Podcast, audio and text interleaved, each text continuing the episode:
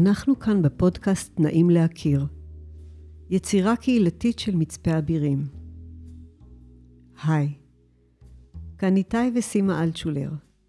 אנחנו יוצרים כאן סדרת שיחות אישיות עם אנשי היישוב, ומציעים דרך נוספת להתחלת היכרות.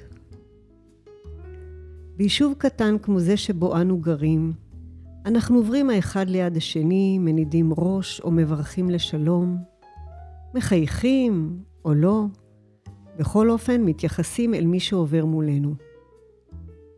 פה ושם מדברים מעט בשיחה קצרה על השביל, או בדיון על נושא יישובי שעולה, אבל זה ממש נקודתי.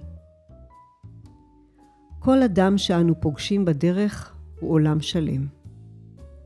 איך ניתן להכיר את אותם אנשי אבירים ואת אותם העולמות? כאן, באולפן הקטן המאולתר שלנו בבית יונה, נוכל בכל מפגש להציץ מעט אל עולמות מגוונים של אנשי ונשות הקהילה שגרים כאן. זו הזדמנות להכיר באופן נוסף, לתת ולקבל בתוך הקהילה.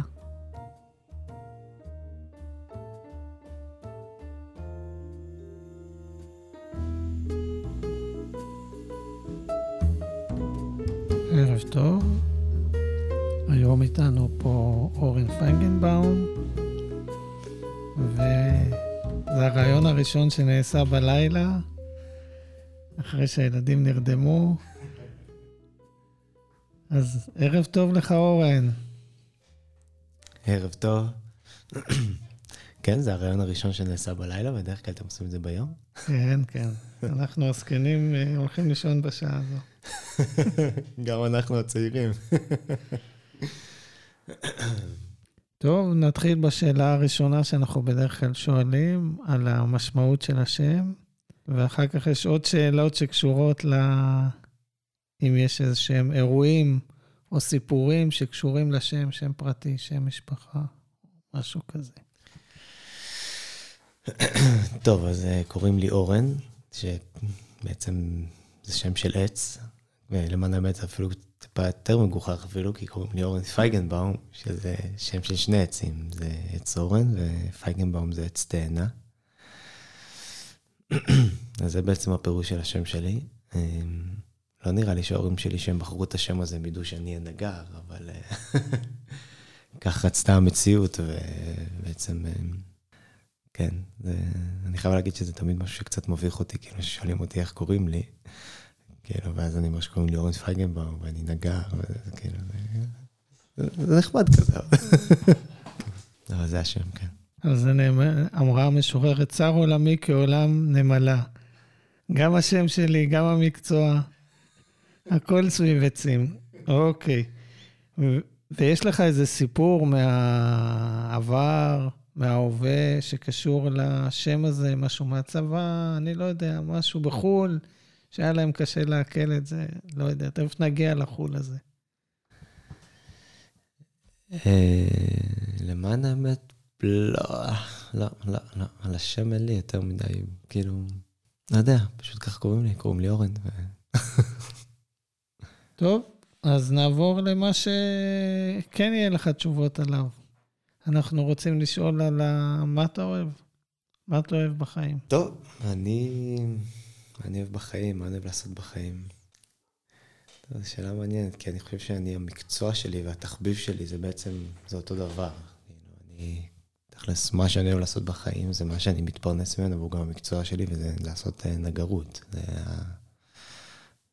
תכלס זה אהבה, אחת האהבות הכי גדולות בחיים שלי. מעבר לאשתי והילדים וזה, אבל זה ה... תכלס זה מה שאני עושה בחיים. כל יום, כל היום, כבר... Uh... 17 שנה, כן. זה מה שאני עושה כל הזמן, עושה נגרות.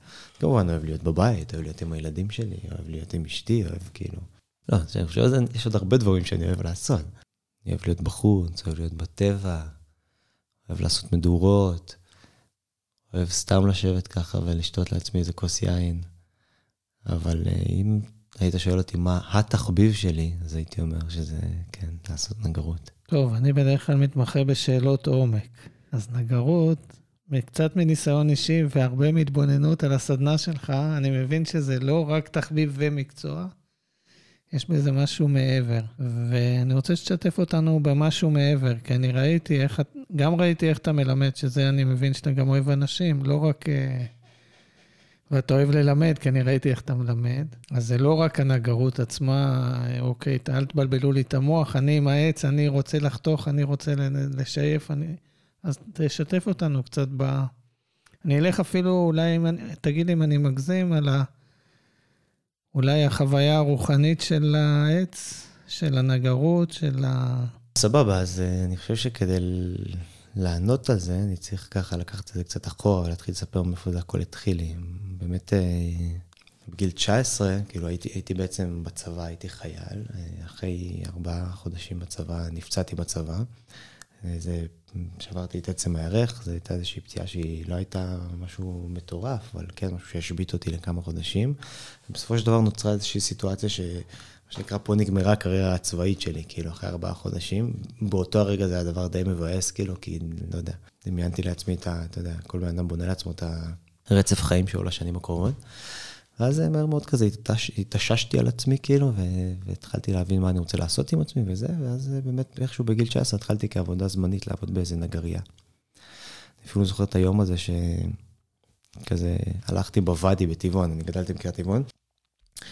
וכאילו, כזה התלבטתי עם עצמי, מה אני עושה, וזה, וכאילו, מה אני עושה עכשיו, כאילו, בחיים, וזה, ואז אה, באותה נשימה, איזה חבר, הוא הציע לי שני דברים, אמר לי, וואי, אני גם מכיר איזה, איזה משרה מגניבה כזאת באיזה יער, לא, לא יודע, משהו שהיה קשור לקק"ל או משהו כזה, וזה, וגם, אתה יודע, יש איזה שני חבר'ה כאלה צעירים שהקימו נגריה חדשה בכפר יהושע, וזה, אולי מחפשים עובדים, אולי תיגש אליהם וזה, ובתכלס ככה זה התחיל, ניגשתי לחבר'ה האלה, קראו להם, אה, עדיין קראו להם חן ואורי. ו...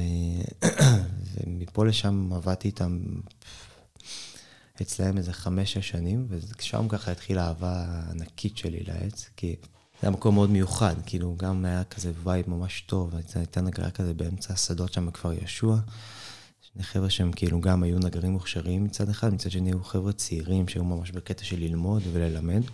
והנגריות מהר מאוד תפסה תאוצה, כאילו, והיו לה המון עבודות, והייתה שם גם מנסרה, שכל הזמן אה, ניסרה עץ מלא, אז כאילו מהר מאוד גם הייתי חשוף לא רק לעולם יבש כזה של נגרות, אני עושה מרכאות, כאילו, ממש לעץ, וזה ישר כזה תפס אותי.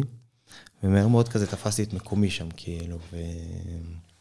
ובאמת שם התחילה אהבה כזה מאוד גדולה, כי הם גם מאוד אפשרו לי, כאילו אמרו לי, תשמע, אני עבדנו איזה חמישה, שישה ימים בשבוע, אני לא יודע, מי שלא מכיר את המקצוע שלנו, כאילו, נגרים בדרך כלל מתחילים לעבוד בין שבע וחצי לשמונה בבוקר, ועובדים עד שש בערב, כאילו, ככה זה בין חמישה לחמישה ימים בשבוע, לפעמים גם עובדים שישה ימים בשבוע עד צהריים. עוד לפני שהיו לי כמובן ילדים וזה, ואז אחר הצהריים, פשוט המקום הזה היה בשבילי כמו מגרש משחקים פתוח כזה, כאילו. ועשיתי וזה, והייתי מה זה, כאילו, כל הזמן תכלס הייתי שם.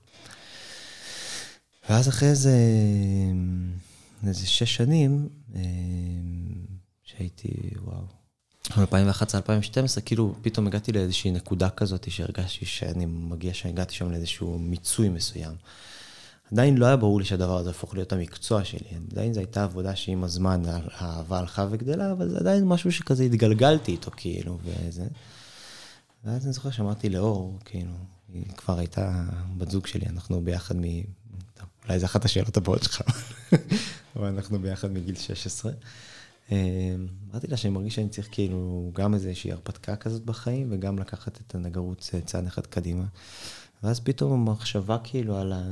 ללכת ללמוד בחו"ל, כאילו נגרות, הלכה ופתאום כאילו ממש, אמ, אתה יודע, התחילה מאיזושהי מחשבה קטנה, וזה משהו שנכנס, ופתאום לאט לאט זה התעצם, והתעצם, והתעצם, ואז כזה זה, זה התגלגל, התחלתי לחפש בכל מיני מקומות. אמ, הייתי רשום לאיזה בית ספר לנגרות דווקא באנגליה. יצא המזל שלא הלכתי לשם, שזה יצא מזל ממש טוב. ואז בסופו של דבר התגלגלתי באמת ללמוד בבית ספר שלמדתי בו נגרות, שנקרא Inside Passage School of Fine Cabinet Making, שזה בעצם נמצא בקנדה, בבריטיש קולומביה. שזה קצת מעניין, כי בעצם בכל החיפוש שלי אחרי לימודי נגרות, זה בעצם היה הבית ספר הראשון שראיתי. אבל תוך כדי שאני כזה מסתכל על זה, מדבר עם אור על זה, תוך כדי אמרנו, מה, אני איך ללמוד בקנדה, יואו, זה צד שני של העולם, כאילו, מלכתחילה היה ברור שהיא לא תצטרף אליי לשנה הזאת, כאילו, כי היא הייתה פה בלימודים שלה, ואמרנו, יותר הגיוני, משהו קרוב, אירופה, אנגליה, משהו כזה. ואיכשהו כזה מכל החיפושים, זה חזר לנקודה הזאתי. וגם באותו הזמן נחשפתי גם לאדם שקוראים לו ג'יימס קרנוב, שזה מי שבתכלס אני עובד בשיטה ובתפיסה שלו. והבית ספר שלמדתי בו, זה הבית ספר שבעצם מקדיש את שיטת העבודה שלו למה שנקרא לקרנוביאן סטייל, כאילו, לדרך הזאת. אז זהו, אז, אז נרשמתי, אתה צריך לשלוח להם כזה איזשהו מעין תיק עבודות כזה, ו- ומכתב של למה אתה רוצה לבוא וללמוד שם, ו... אז הודיעו לי, אני זוכר שזה היה בפסח, שאני, שהתקבלתי לבית ספר, זה היה כזה, וואו. ובעצם זה היה לימודים של אה, עשרה חודשים, נסעתי לשם בספטמבר, של, אה, כן, ספטמבר, זה היה 2011-2012, אז כן, ספטמבר של 2011.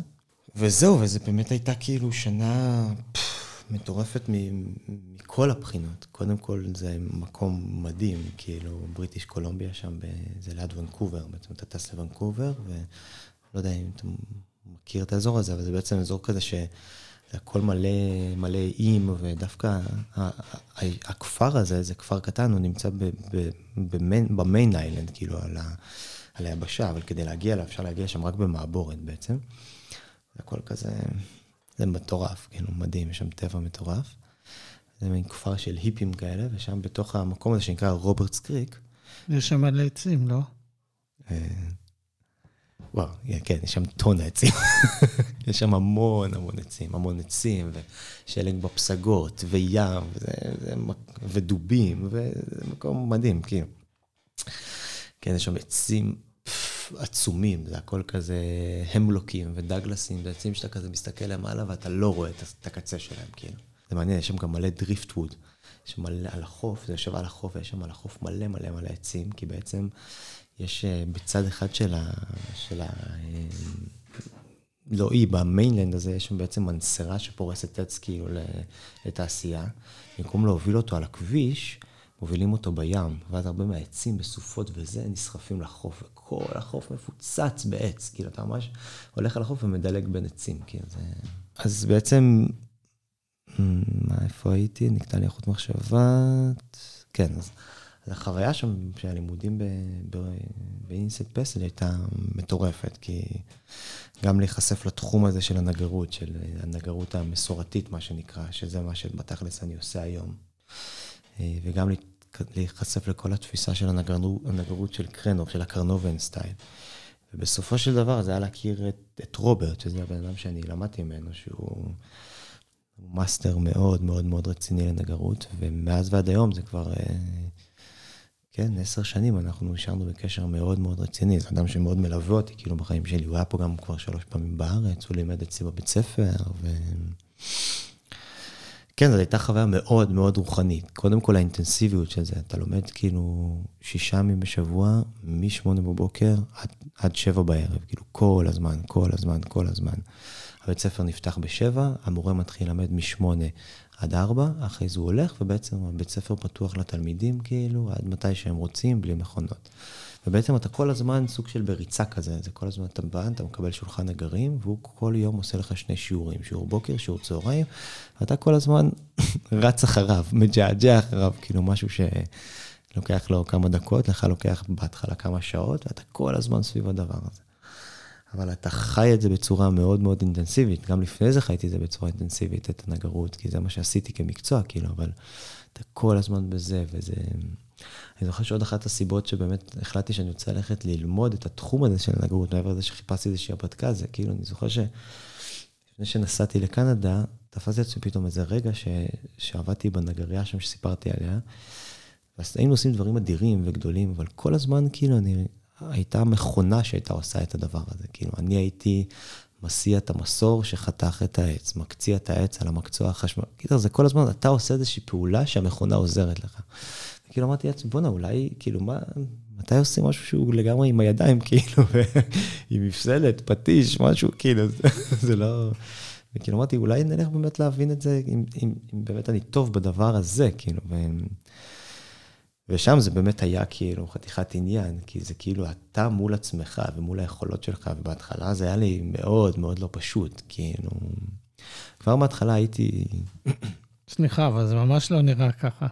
זה נראה שנולדת לזה עם הדיוק, עם ה... ממש לא נראה. לא, זה לא היה לי פשוט בהתחלה, כאילו, אבל אני גם חושב שמה שלא היה לי פשוט זה לשחרר, שזה מעניין, כאילו, כל הזמן, אתה יודע, אתה נמצא עם עוד 16, זה 16 תלמידים שעומדים שם בשנה, בסך הכל אנשים ממש סבבה, וכולם כזה מכל העולם, מ... איפה היו? מיפן, מ... מאירופה, ממקסיקו, מארצות הברית, מישראל. אני הייתי התלמיד הראשון שהיה שם מישראל אי פעם, ו... וכל הזמן כולם, כאילו, אתה יודע, כולם עובדים וכולם עושים אותו דבר, כולם, אתה, אתה נמצא באיזשהו סוג של תחרות כזאת, ואני זוכר שכאילו, זה יום אחד המורה, וגם היה עוד עניין, שזה כאילו, אני, יש לי דיסלקציה באנגלית, בכלל, בשפות, כאילו, ואני לא יודע אנגלית. כאילו, היום אני כן קצת מדבר אנגלית וזה, אבל בעיקר את האנגלית המקצועית, ו... וכאילו כל החודשים הראשונים שלי שם לא הבנתי מילה ממה שדיברו אליי, כאילו, אנחנו יושבים בשיעורים, הוא מדבר, בכל שיעור זה בערך שעתיים, אני לא מבין מה הוא אומר, אני מבין מה הוא עושה עם הידיים, זה פשוט היה ככה, כאילו. וזה גם היה נורא מתסכל, כי אין לך גם אל מי לפרוק, כאילו, אתה, אין לך עם מי לדבר, אתה כאילו רוצה לשתף אנשים בתחושות שלך ובחוויות שלך, ואתה כזה, מתחיל להגיד איזה מילה ואתה נקטע עם עצמך. כן, ואני זוכר שבאיזה שלב מסוים הוא תפס אותי דווקא מורה, וכאילו, אפשר היה לנו איזשהו קליק כזה, אמר לי, מה יש לך, כאילו, הכל טוב, אתה ממש טוב, כאילו, שחרר, הכל, הכל סבבה, כאילו, מה, תהנה, תהנה מזה, תהנה ממה שאתה עושה כאן. זה היה איזה רגע כזה שכאילו באמת שחררתי את זה, ואהבתי את זה, כן. אז בהקשר לשאלה שלך ולחוויה הרוחנית הזאת, אז אני חושב ששם גיליתי את העומק מאוד רציני בתחום הזה של הנגרות, של הנגרות של ה... של המחברים, ויש משהו שהוא מאוד, לא יודע, ש... שמצד אחד הוא מורכב ועמוק, אבל גם מבחינתי הוא מאוד פשוט, כאילו, יש בו משהו פשוט ויפה. וגם לראות את המורה הזה, את רוברט, כאילו, מלמד, זה היה עבורי גם חוויה מאוד רוחנית, כי זה ממש לראות בן אדם פנומנל, כאילו זה, ומצד אחד, מצד שני סופר צנוע, וכאילו אתה ממש רואה בן אדם יושב מולך, מדגים לך, ונעשה צעיר בעשר שנים מול העיניים שלך, וזו הייתה פשוט חוויה מדהימה, כאילו. אני חושב שזה גם הרבה מזה מה שהשפיע עליי אחרי זה לבוא וללמד. כאילו, זה לא שתמיד ידעתי שאני רוצה להיות מורה לנגרות, זה כאילו איכשהו התגלגל לשם כזה. אבל לראות אותו כאיזשהו רום מודל כזה, כאילו, וזה היה כן, מאוד, מאוד חזק, כאילו, עבורי. תשובה מלאה. הקטע הזה של אה, לראות בן אדם נהיה יותר צעיר כשהוא עושה את מה שהוא אוהב, היה לי, כשראיתי, אני חושב שאת אלה פיג'רלד בהופעה האחרונה שלה בפריז, הבן אדם הלך עם מקל, זאת אומרת, הגברת הלכה עם מקל למיקרופון, וברגע שהיא התחילה לשיר, היא זזה בצורה מטורפת, היא לא מדונה, כן? אבל זזה, אישה בת 80. זזה בצורה מצורפת, גמרה לשיר, טאק, חזרה להיות זקנה בת 80. וזה מרגש מאוד לראות אדם כזה שהוא עושה את מה שהוא אוהב. טוב, אז אה, נראה לי שגם ענית, אבל יכול להיות שיהיה לך כיוון נוסף אה, על דברים שמעניינים אותך, שאתה לומד אותם. יכול להיות שהם לא בתחום המקצוע, לא בתחום האהבה, אה, אם יש כאלה דברים. דברים שאני לומד, כאילו, טוב, אני לומד הרבה דברים מהילדים שלי, אבל uh, אני לא יודע אם זה, לשם זה הולך, אבל כן, כאילו, יש לנו, לא יודע אם זה הזמן להגיד את זה, אם יש שאלה כזאת, אבל יש לנו ארבעה ילדים, לי ולאור, שזה חתיכת דבר משמעותי מהחיים שלנו. זאת הסיבה שאנחנו נפגשים כאן uh, בתשע בערב, אחרי שהם כולם כמעט הלכו לישון. והילדים זה, עבורי זה... זה וואחד מסע, כאילו, זה וואחד עניין. אני חושב שאחד הדברים זה שהם פשוט אה, משקפים לך מול העיניים חתיכת התנהגויות שלך לטוב ולרע, ודווקא כשאני אומר את זה, אני אומר הרבה דברים על הרע, כאילו, כי כשהכול סבבה והכול טוב, אז הכל טוב, אבל הרבה פעמים זה כאילו, סתם כמו כל דבר בחיים, גם הדבר הזה, ובאינטנסיביות שלנו תופס לנו בכל מיני מצבים ממש לא פשוטים לנו בחיים. אנחנו לגמרי כאילו כבר חסרי סבלנות ומאבדים את זה וזה, וכאילו... והם שם כדי ממש לשקף את הסיטואציה הזאת, כאילו, ואני מרגיש שהרבה פעמים הם, וגם גם אשתי, כאילו, עושים את זה בצורה שהיא, כן, זה, זה דבר נוסף משמעותי מאוד שאני לומד בחיים.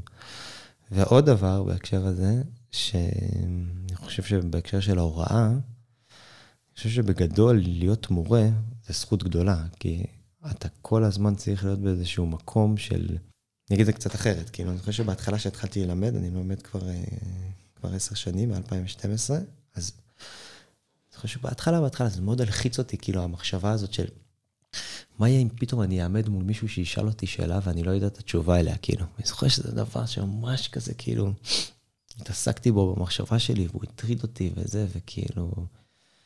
ומהר מאוד הבנתי ש, שזה פשוט לא ככה, כאילו, ש, שקודם כל, אני לא חייב לדעת את כל התשובות. ויש דברים שאני לא יודע, כאילו, מן הסתם, אני בן אדם, כאילו.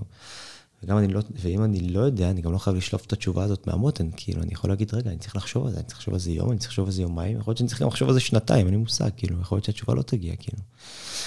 וכאילו, מהר מאוד זה הפך להיות איזשהו, עבורי הלימוד הפך להיות איזשהו סוג של, של דיאלוג כזה עם התלמידים, וזה אדיר, כאילו, כי, כי אתה לומד המון, אני לומד מזה המון המון המון, גם מאנשים שמגיעים אליי, כאילו, וממה שהם מראים לי. וגם המקום הזה שזה שם אותך בזה שאתה תמיד צריך כאילו לחקור ולהעמיק את מה שאתה עושה, כי אתה צריך להעניק לבן אדם איזושהי תשובה שהיא תשובה אמיתית, ותשובה כאילו שהוא, קיצור, מצפה לך באמת לתשובה עמוקה, כאילו, וזה חתיכת למידה ענקית, כאילו, זה, זה למידה שלא, שנראה לי שהיה לוקח לי הרבה מאוד, יש הרבה דברים בתחום המקצועי שלי שהיה לוקח לי הרבה מאוד שנים ללמוד, אם לא הייתי צריך לשים את עצמי בנקודה הזאת, כאילו, ש... נראה לי שזה למה שהתכוון המורה בלשחרר. כן, יש מצב. טוב, אז נעבור לנקודה אחרת שאולי הזכרת אותה בצורה עם הכוס יין, כי בנגרייה שלך לא תמיד יש שקט עם כל המכונות. אז תספר לי על מקום, איפה זה מקום של שקט בשבילך? Mm. יש הרבה מקומות שיש שקט. מקום שיש שקט זה, זה קודם כל בבית. כן, זה בבית. גם בבוקר ברעש של הילדים, זה גם, יש בזה גם קצת שקט, אבל גם יש בזה לפעמים גם ממש טירוף. אבל לא, בבית שלנו, אחרי שדווקא הילדים גם הולכים לישון, ויש כזה איזשהו, את הכמה דקות האלה שאנחנו יושבים, ויש פתאום איזשהו רוגע אחרי כל האינטנסיביות של היום. לא יודע, פה באבירים יש הרבה שקט, כאילו, כל החיים שלי חייתי במקומות שהם, שהם עם טבע, אף פעם לא חייתי בעיר גדולה, כאילו, אני גדלתי בקריית טבעון, אה, אחרי זה גרנו כאילו בכל מיני תמיד יישובים כפריים כאלה, כפר יהושע, גרנו שבע שנים ביחיעם, כאילו. אז תמיד כאילו, אחד הדברים שאני אוהב זה פשוט ללכת ולהסתובב, ללכת ביער, ללכת בחוץ, אה, זה גם דבר שאני מאוד מאוד אוהב לעשות. בימים האלה אני יותר עושה את זה עם איזה שלושה ארבעה ילדים עליי וסוחב עגלות וטרקטורים, אבל היו ימים שסתם פשוט גם היינו הולכים, הייתי הולך בשקט ונהנה מהשקט שלי. ותכלס אני גם מאוד מאוד אוהב להיות בנגריה שלי ש... שאני לבד שם. כי זה באמת לא יוצא הרבה, כאילו זה יוצא רק איזה יומיים בשבוע, שאר הזמן אני עם עוד אנשים. אבל שיש לי, לי את השקט שלי שם, זה ממש כיף לי, ודווקא חלק מהשקט שלי זה גם להיות שם עם כל המכונות האלה עובדות. אני, זה ממש מרגיע אותי, כאילו, נותן לי הרבה מאוד שקט, כאילו. נגיד שאני עובד בנגריה לבד, אני מדליק הרבה פעמים את כל המכונות ואני לא מכבה אותן, כאילו, אני פשוט קופץ ביניהם, עובד ביניהם, ובסוף אני מכבה אותן, כאילו, אני לא... זה לא רעש שהוא... זה נעים לי, כאילו, זה לא... אה, אז הדבר האחרון שאני רוצה לשאול אותך לפני השאלה האחרונה, זה אה, ואני מבקש הפעם שתתאמץ לא לדבר על הנגרות. מה מרגש אותך? טוב, זה קל, אני בן אדם רגשן, כאילו... מה מרגש אותי? לא יודע, כל דבר שהוא אמיתי תכלס. אני רואה משהו שהוא אמיתי, כאילו, אם זה, זה אצל מישהו, אצל... אני בן אדם ש... זו תכונה שאני רואה בה יתרון, אבל יש, אני מרגיש שגם יש בה הרבה חסרונות, כאילו, אבל אני בן אדם שמאוד uh, חווה את הסביבה שלו, כאילו, בצורה אינטנסיבית, בתחושות שלי, כאילו, אז uh, כשאני רואה אדם שקשה לו, זה מאוד קשה לי, כאילו, ואני ממש מרגיש את זה על עצמי ועל הגוף שלי, ו... וכנ"ל בהתרגשות, כאילו, זה, זה, זה, זה יכול לרגש אותי שאני רואה מישהו שהוא סופר מבסוט, זה גם יכול לרגש אותי שאני רואה בן אדם שהוא בדאון, כאילו. אז זה מה שמרגש אותי מאוד, כאילו, התחושות סביבתיות. מן הסתם הילדים מרגשים אותי, ו... אשתי מרגשת אותי, ו... לא יודע. טוב, אז מכל הדברים שציינת על הצד הרוחני ועל הצד ההוראתי, ומה אתה מוצא בתוך אבירים עצמה, בתור, כי הרי זה פודקאסט קהילתי, או שהיית רוצה למצוא, או שחסר לך פה, אה, זהו. לא יודע, אני חייב להגיד שכאילו אני, אני אדבר בשם עצמי, אבל אני גם מרגיש שאני מדבר בשמי ובשם אור, כאילו, אני מרגיש שמאוד מצאתי פה באבירים את, ה, את הבית שלי ואת הפינה שלי, כאילו, מכל הבחינות. קודם כל מהבחינה האנושית, כאילו, אני חושב שיש פה אנשים מדהימים, כאילו... אם תשמע בפודקאסט, תדע את זה. כאילו, זה באמת, זה, זה קטע, קטע די מדהים, שאתה כאילו מסתובב פה ברחוב, וכמעט כל אדם שאתה פוגש, כאילו, בא לך פשוט לחייך אליו, להגיד לו שלום, כאילו, לא משנה אם החיבור שלך, אם אתה יותר, אם הוא יותר במעגל המצומצם שלך, או פחות במעגל המצומצם שלך. באמת אני חייב להגיד שאני מרגיש שיש פה אחלה אנשים, כאילו, שפשוט כיף, כיף פה ברמה, ברמה האנושית. ו... וגם בר... בכל הרמות, כי פשוט, לא יודע, פשוט נעים פה וכיף פה, ואנחנו מוקפים בטבע ובסביבה מדהימה, ויש פה נוף שהוא כאילו עוצר נשימה, זה מקום שעבורי הוא השראה אדירה, ופשוט סבבה כאן, כאילו. גם התמזל מזלי שהעבודה שלי כאן, אז תכלס, אני לא בדיוק יוצא מכאן, אתה מבין? אני, אני, אני כל הזמן כאן. אז אני, יודע, אני ממש נהנה, כיף לי כאן. אז אתה מוקף uh, עצים, uh, לא אורנים אמנם, אבל uh, מוקף עצים מכל הכיוונים. גם כאלה שהם אה, חיים וגם כאלה שהם חיים בקושי. אה, אז אה, תודה לך, אורן. תודה רבה.